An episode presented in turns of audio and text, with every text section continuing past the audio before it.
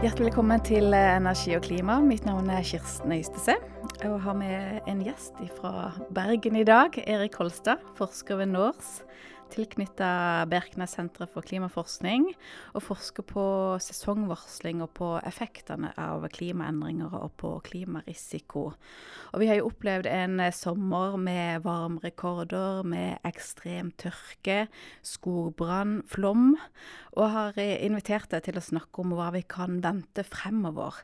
Hvor ekstremt blir ekstremvær når vi kommer til 2030 og 2050 og 2070, og hva kan vi egentlig si om det? Men Aller først, kan ikke du si to ord om deg sjøl, og hvorfor ble du interessert i sesongvarsling og effektene av klimaendringene? Jeg ble først interessert i klimaendringene i seg sjøl. Jeg har matematikkbakgrunn. Eh, men på privaten så la jeg også merke til økt oppmerksomhet rundt klimaendringer. Og tenkte at her, dette hadde vært gøy å jobbe med. Så jeg begynte med det på tidlig 2000-tall og tok en doktorgrad i meteorologi.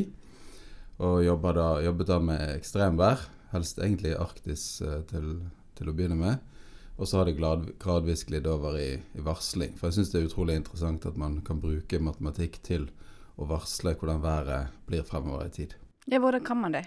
Eh, nei, man eh, Heldigvis så har vi ganske god forståelse av hvordan atmosfæren og havet fungerer.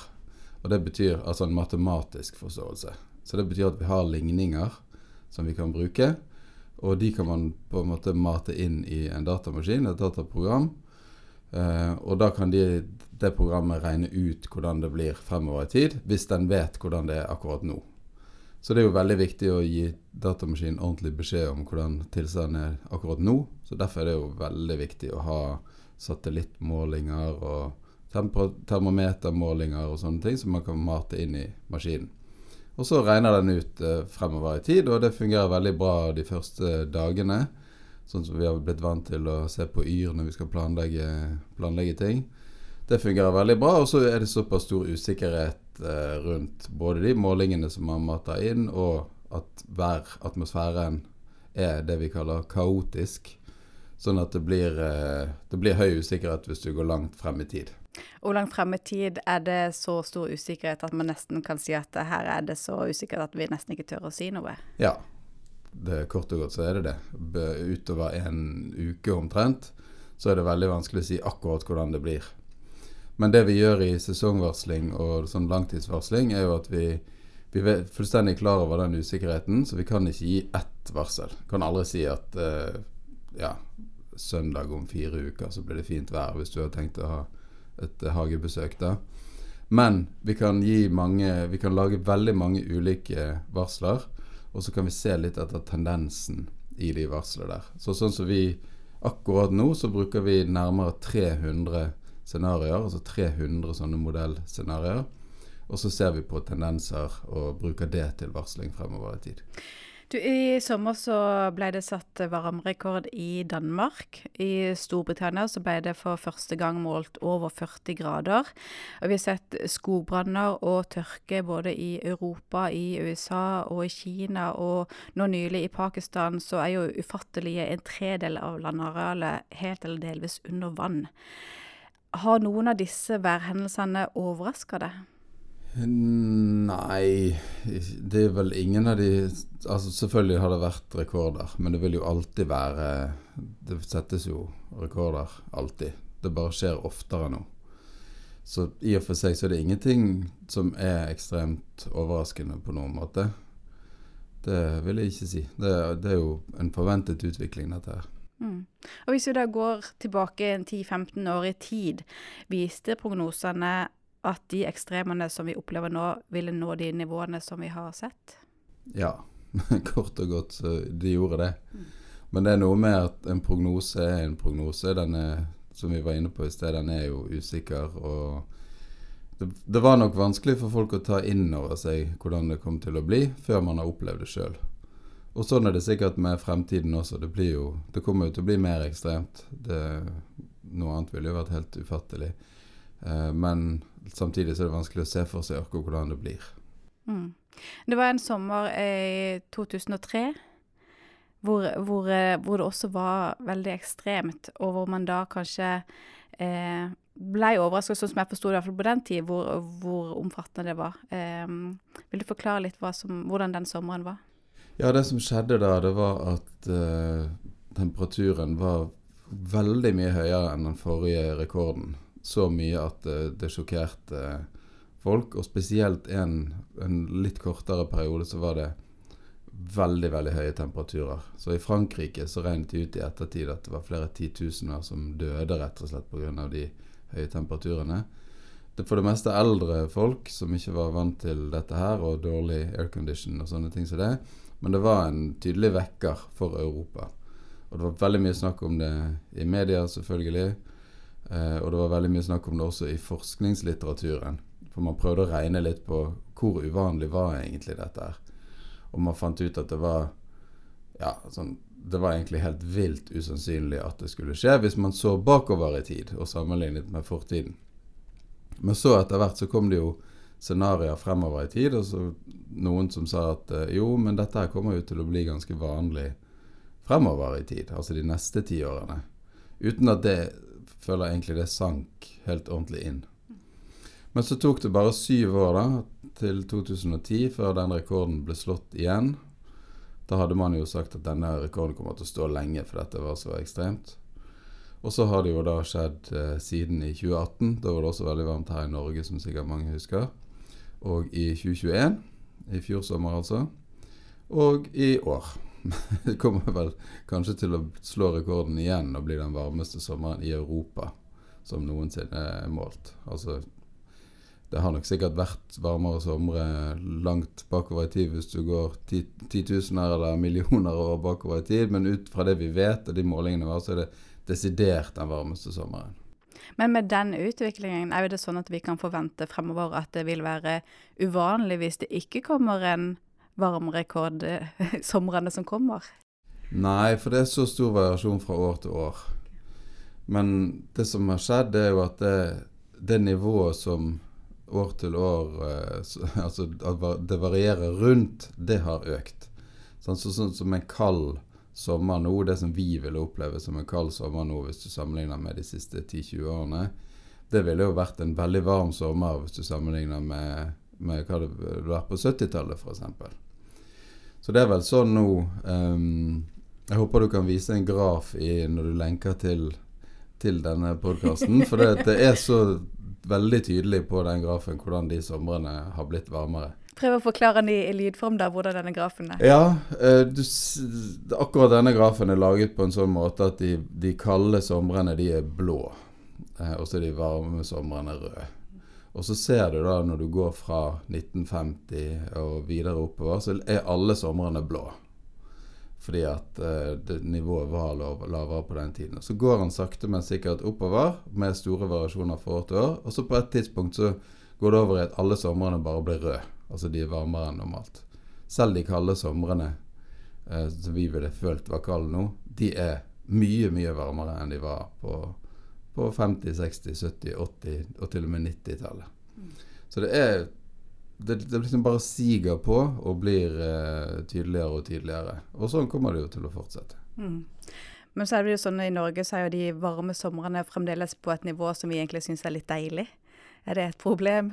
Ja, det der er, litt, det er et litt interessant spørsmål. Eh, og jeg diskuterte det med noen franskmenn eh, som reagerer på at når det er varmebølge, så ser man fremdeles i avisene bilder av folk som er på stranden og spiser is og, og sånn. Og det må jo være lov å jeg tenker jo at det må jo være lov å glede seg over eh, høye temperaturer og varme. Ikke så høye temperaturer som de hadde i Frankrike i sommer, da. Men hvis vi har oppimot 30 grader i Norge, så må det jo an at du har to tanker i hodet samtidig Ja. og, nyte det, men samtidig vite at dette her er det er egentlig et symptom på noe som er, som er veldig lite positivt. Men du forsker jo på effektene av klimaendringer. Og når vi ser sommerens ekstremvær med alle sine utslag, altså både flom og tørke og på en måte skogbranner og det hele. Hva er det som vi kan si er bare vær, og hva er delvis en konsekvens, eller i hvert fall forverre av klimaendringene? Jeg var litt inne på det i sted, at du, du hever gjennomsnittstemperaturen. Eh, så det betyr at, eh, at, du er mer utsatt for ekstreme, ekstremer i den varme enden av skalaen. Og det er jo ikke bare temperaturer, det er jo også flom. I fjor sommer så var det jo en kjempeflom i Tyskland. Og sånne ting blir også mer sannsynlig. Så det er, på, det er litt, vanskelig å forklare at både tørke og flom blir mer sannsynlig med, i et ekstremt klima. Men det har seg sånn at når temperaturen øker, så kan luften holde på mer fuktighet. At den kan ta opp mer fuktighet før den slipper den ut. Det merker man jo ved at når det regner om sommeren, så det, får du gjerne styrtregn. Mens om vinteren så har du Du kan få styrtregn, men ikke så ekstremt som om sommeren. Det, det er litt lettere regn. Det regner mye om vinteren, men, men, men luften inneholder mindre fuktighet. Eh, så jo varmere det blir, jo mer ekstreme blir de regnstyrte flommene. Så vil flommene på Østlandet f.eks., som i stor grad er knyttet til snøsmelting, de forventer man at man skal bli mindre ekstreme, fordi at det er mindre snø i fjellet.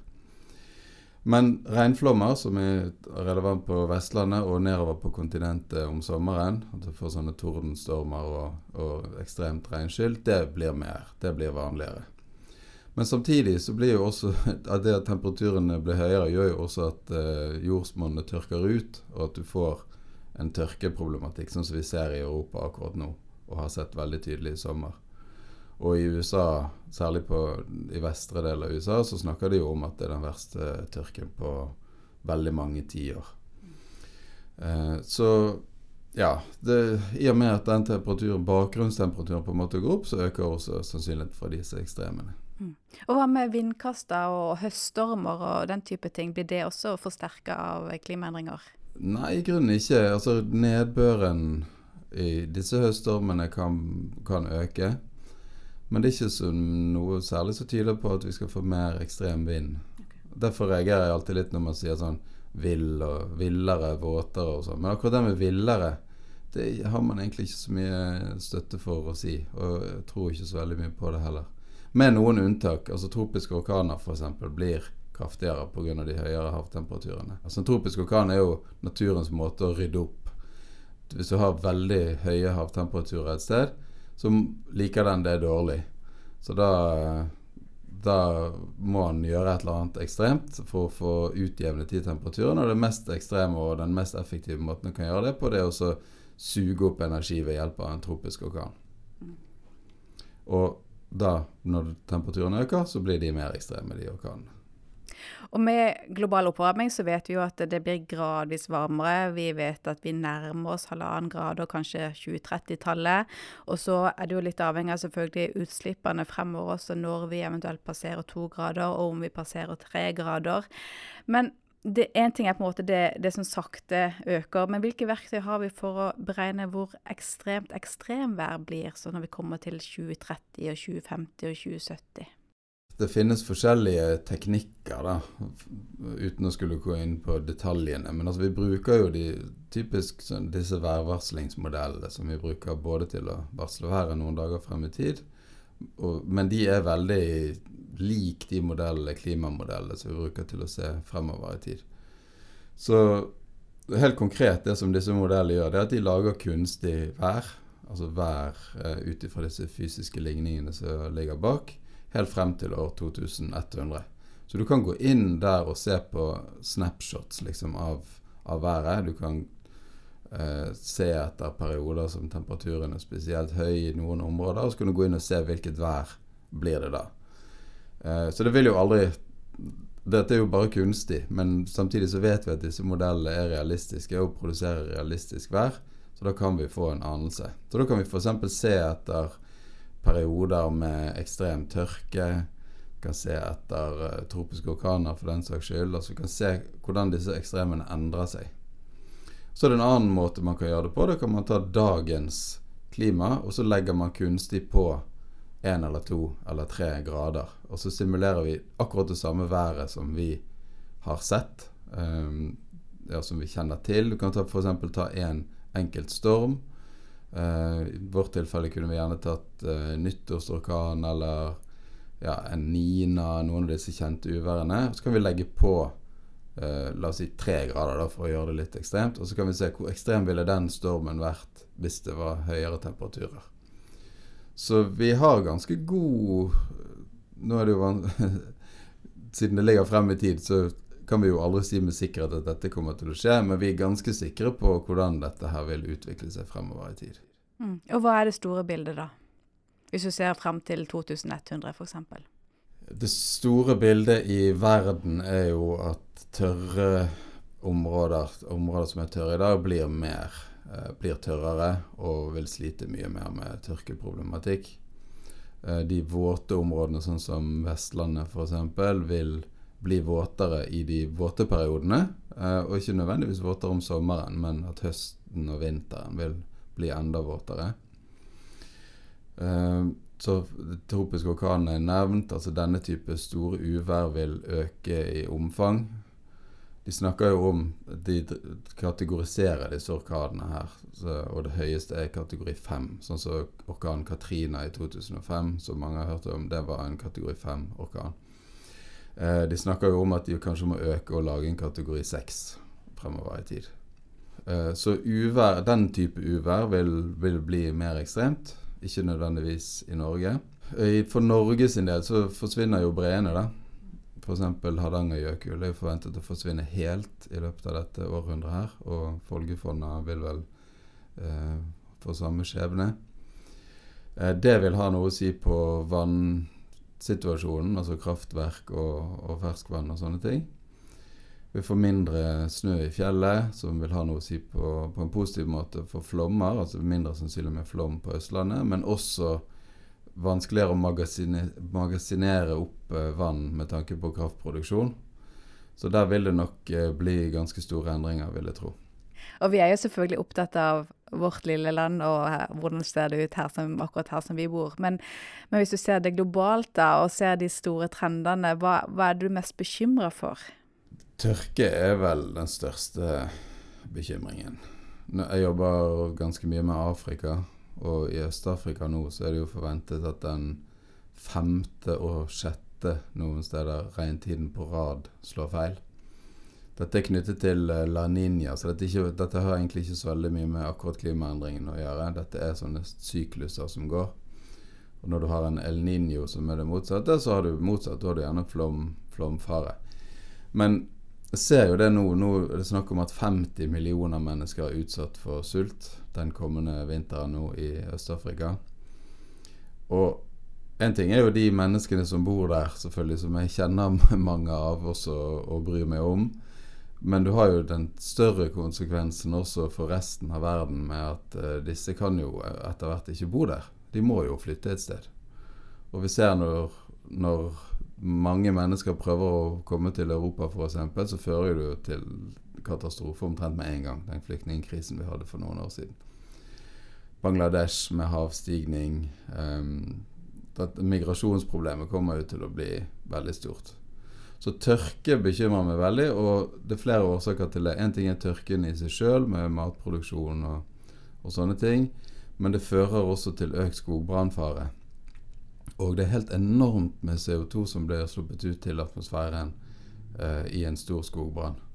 Og nå når det øker i omfang, og kanskje man får større skogbranner i Amazonas og slipper ut CO2 på den måten, så vil jo det forsterke klimaproblemene, sånn at du får enda mer tørke og enda mer skogbranner. Uh, og uh, uten at jeg er ekspert på det, men uh, man, man, tror jo at bakover i tid, når man har sett sånn her runaway global warming, som man kaller det, altså at det, det kommer helt ut av kontroll, det er fordi at det setter i gang sånne selvforsterkende mekanismer. Altså for hundretusener og millioner av år siden. At dette har skjedd mange ganger opp gjennom historien før det var mennesker. Men nå skjer det jo som en konsekvens av noe vi har satt i gang. Det er jo andre ting også som er knyttet til det med tørke og høye temperaturer. Det er jo utslipp av metan som i dag ligger lagret både i permafrosten i tundraen i Sibir og andre steder, men også på havbunnen som kan frigjøres når havtemperaturen går opp. Og da kommer jo etter hvert opp i atmosfæren og fører til høyere CO2 og metaninnhold og en ytterligere oppvarming. Som man også tror har skjedd mange ganger bakover i historien. Så ja. I tillegg til det så er jo havnivåstigning er jo en sånn ting som kommer sigende bokstavelig talt gradvis. og vil Jeg tror ikke vi kan forestille oss de konsekvensene det vil få i områder som har bebyggelse helt ned mot, uh, mot uh, havoverflaten, eller mot kysten. Det kommer til å bli en et veldig stor utfordring. Mm. Og hvilke områder da er særlig utsatt? Ja, det er jo veldig lett å nevne Bangladesh, siden det ligger så lavt. Men du har jo også mindre steder som Stillehavsøyer, som omtrent hele samfunnet ligger så vidt over havoverflaten. Men eh, også rike land, sånn som eh, Storbritannia f.eks., som allerede har bygget et flomvern inn mot Themsen. Eh, Miami f.eks. i USA, en stor by som ligger helt nede ved, ved havoverflaten. Der er, og Kina altså det er, ikke, det er vanskelig å få oversikt over hvor mange millioner mennesker som faktisk bor utsatt til. I Norge er det jo ikke et så stort problem. Men i Bergen f.eks. med Bryggen vil jo flommes over mye oftere fremover i tiden når havnivået stiger. Så Bybanen eh, jeg lurer, legger over Bryggen? ja, den debatten tør jeg ikke gå inn i. du, I Storbritannia så eh, ble det for første gang målt eh, over 40 grader, som vi nevnte tidligere. Som var overraskende, i hvert fall på, på noen, kanskje ikke, ikke på det. Men vil vi også i Norge kunne se at vi passerer 40 grader? Ja, det tviler jeg sterkt på. Da må vi veldig langt frem i tid i så fall. Og hvor langt frem da? Nei, altså da må vi jo være i en situasjon, tror jeg, som oppvarmingen har kommet helt ut av kontroll. For da må vi jo slå rekorden vår med nærmere ja, over fire grader. Rekorden nå er på 35 35,6. Ja. Og den ble satt i 1970, tror jeg, eller noe sånt. Så den, det er jo merkelig at den står ennå, så man kan jo lure litt på om, om den er helt riktig, da, den rekorden der. Eh, men uansett så vil nok den bli slått. Eh, og det kan jo skje hver sommer. Det er jo nære på ofte nå de siste somrene. Men at du skal komme opp i 40, det virker veldig usannsynlig. Da må du ha en, en helt spesiell situasjon. Du må ha Altså Grunnen til at jeg tviler så veldig på det, bare for å ta det først, det er jo at uh, vi har fysiske begrensninger her i Norge ved at solen står relativt lav på himmelen hvis du sammenligner med f.eks. Storbritannia som er et godt stykke lenger sør. Og det gjør at du, selv om dagene våre er lange, så får du ikke den ekstreme oppvarmingen fra, fra solen som du får når du går lenger sør. Eh, så det er en fysisk begrensning som ikke kommer til å endre seg med global oppvarming. Det vil jo aldri endre seg hvor høyt solen står. Så det som man eventuelt måtte, skal til for å få 40 grader, det er jo at du får en ytterligere bakgrunnsoppvarming, altså mer CO2 i atmosfæren. Og også i tillegg at du får en situasjon der du får fraktet veldig varm luft, eh, kanskje helt fra Sahara, uten at den går over havet og blir kjølt ned. Sånn som skjedde i Storbritannia nå i sommer. Det fikk de varm luft inn fra kontinentet, som sikkert kom fra Sahara eller fra, fra et kontinentalt område, i hvert fall. Og så blir den ikke så veldig kjølt opp kjølt ned over den engelske kanalen. Men vi har litt mer hav mellom oss og Europa. Man kunne jo tenke seg at man fikk en ekstrem hetebølge i Russland f.eks., og luften inn fra den kanten uten at den ble så mye kjølt ned. Og så et veldig kraftig høytrykk og ingen skyer, bare kraftig sol en hel dag, så vil man kanskje kunne nærme seg. Men jeg tror det, det vil gå noen tiår før vi ser det. Men hvis vi går noen tiår frem i tid, og vi har sett de ekstreme rekordene som er blitt slått eh, over hele verden, egentlig fra, fra, 2003 og raskere fremover til i dag, hvor, hvor vil eh, disse ekstremene bli enda mer ekstreme? Altså hvor vil det øke mest, hvis vi ser på, på verden? Det vil jo øke alle steder, men der vi ser at temperaturen øker raskest, det er jo i polområdene. Så for Norge sin del så ser vi det jo veldig tydelig i Longyearbyen. Der var det jo nylig over Jeg husker ikke akkurat tallet, men det var over 100 måneder på rad med temperaturer over normalt.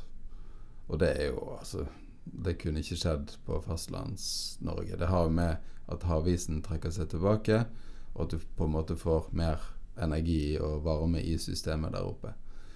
Så endringene i Arktis er jo ekstreme. Helt klart. Med, mye mer ekstreme enn vi ser andre steder. Og det er jo også forventet å fortsette. Hvor gode er vi på å forberede oss på det som kommer, når vi allerede ser hvor, hvor ekstremt ting kan bli da når vi får både ekstrem tørke og ekstrem nedbør og skogbrann og på en måte alt på, én en sesong. Jevnt over er vi vel helt elendige på det. det. Dette har vi jo visst veldig lenge, at dette her kom til å skje. Og jeg tror vi, vi er altfor flinke til å bruke denne 'ja, men det kommer sikkert til å gå bra', eller 'ja, ja, men det er jo ikke helt sikkert'-tankegangen. Vi er veldig lite flinke til å ta inn over oss et føre-var-scenario. Og et føre-var-scenario er jo egentlig at man skal ta høyde for at noe relativt usannsynlig, men med høy konsekvens, kan komme til å skje. Mens i vårt eh, tilfelle med klimaendringene, så har det jo vært veldig høy sannsynlighet for at dette her har vært riktig, det som klimaforskerne har sagt. Og likevel så klarer man ikke å, å ta det ordentlig inn over seg. Og det gjelder jo både at vi ikke har vært flinke å kutte utslippene, men det gjelder jo også det at vi har vært lite flinke til å tilpasse oss. Så f.eks. Nylig, nylige rapporter som, som, viser veldig tydelig at vi har vært sovet litt i timen når det gjelder klimatilpasning her i landet, er jo tydelige eksempler på det. Men andre steder også så er man veldig lite flink til å tilpasse seg noe før det skjer.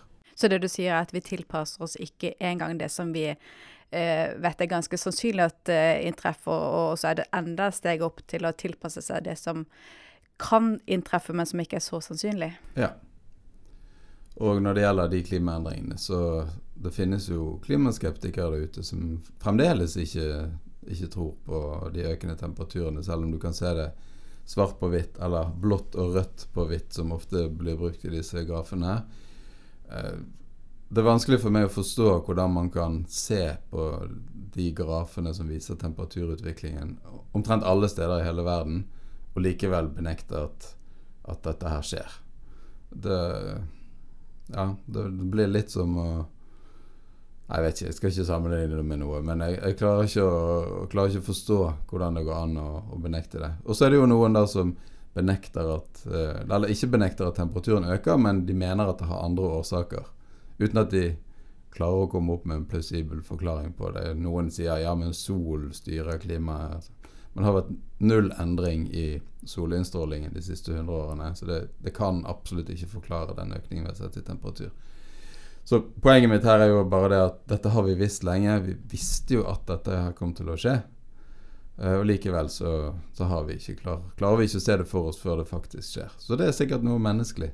Uh, hvis du skal komme med en oppfordring, for dette er noe av poenget med, med, din forskning, det er jo å vise på en måte hva som skjer, og forklare det. Men, men i neste steg må jo også være å bidra til at man bruker den kunnskapen og, og gjør noe. Ja, vi jobber jo mye med både næringsliv og offentlig sektor på å tilpasse oss det som vil skje i veldig nær fremtid, altså den nærmeste årstid. Eh, og, og, noe som er veldig mye snakk om nå, det er jo høst. Eh, blir det en våt høst? Og kommer magasinet til å fylles opp, og osv. Nå vet vi jo at uansett hvor våt høst det blir, så vil jo ikke de magasinene fylles opp, for de er så lav, lav nå.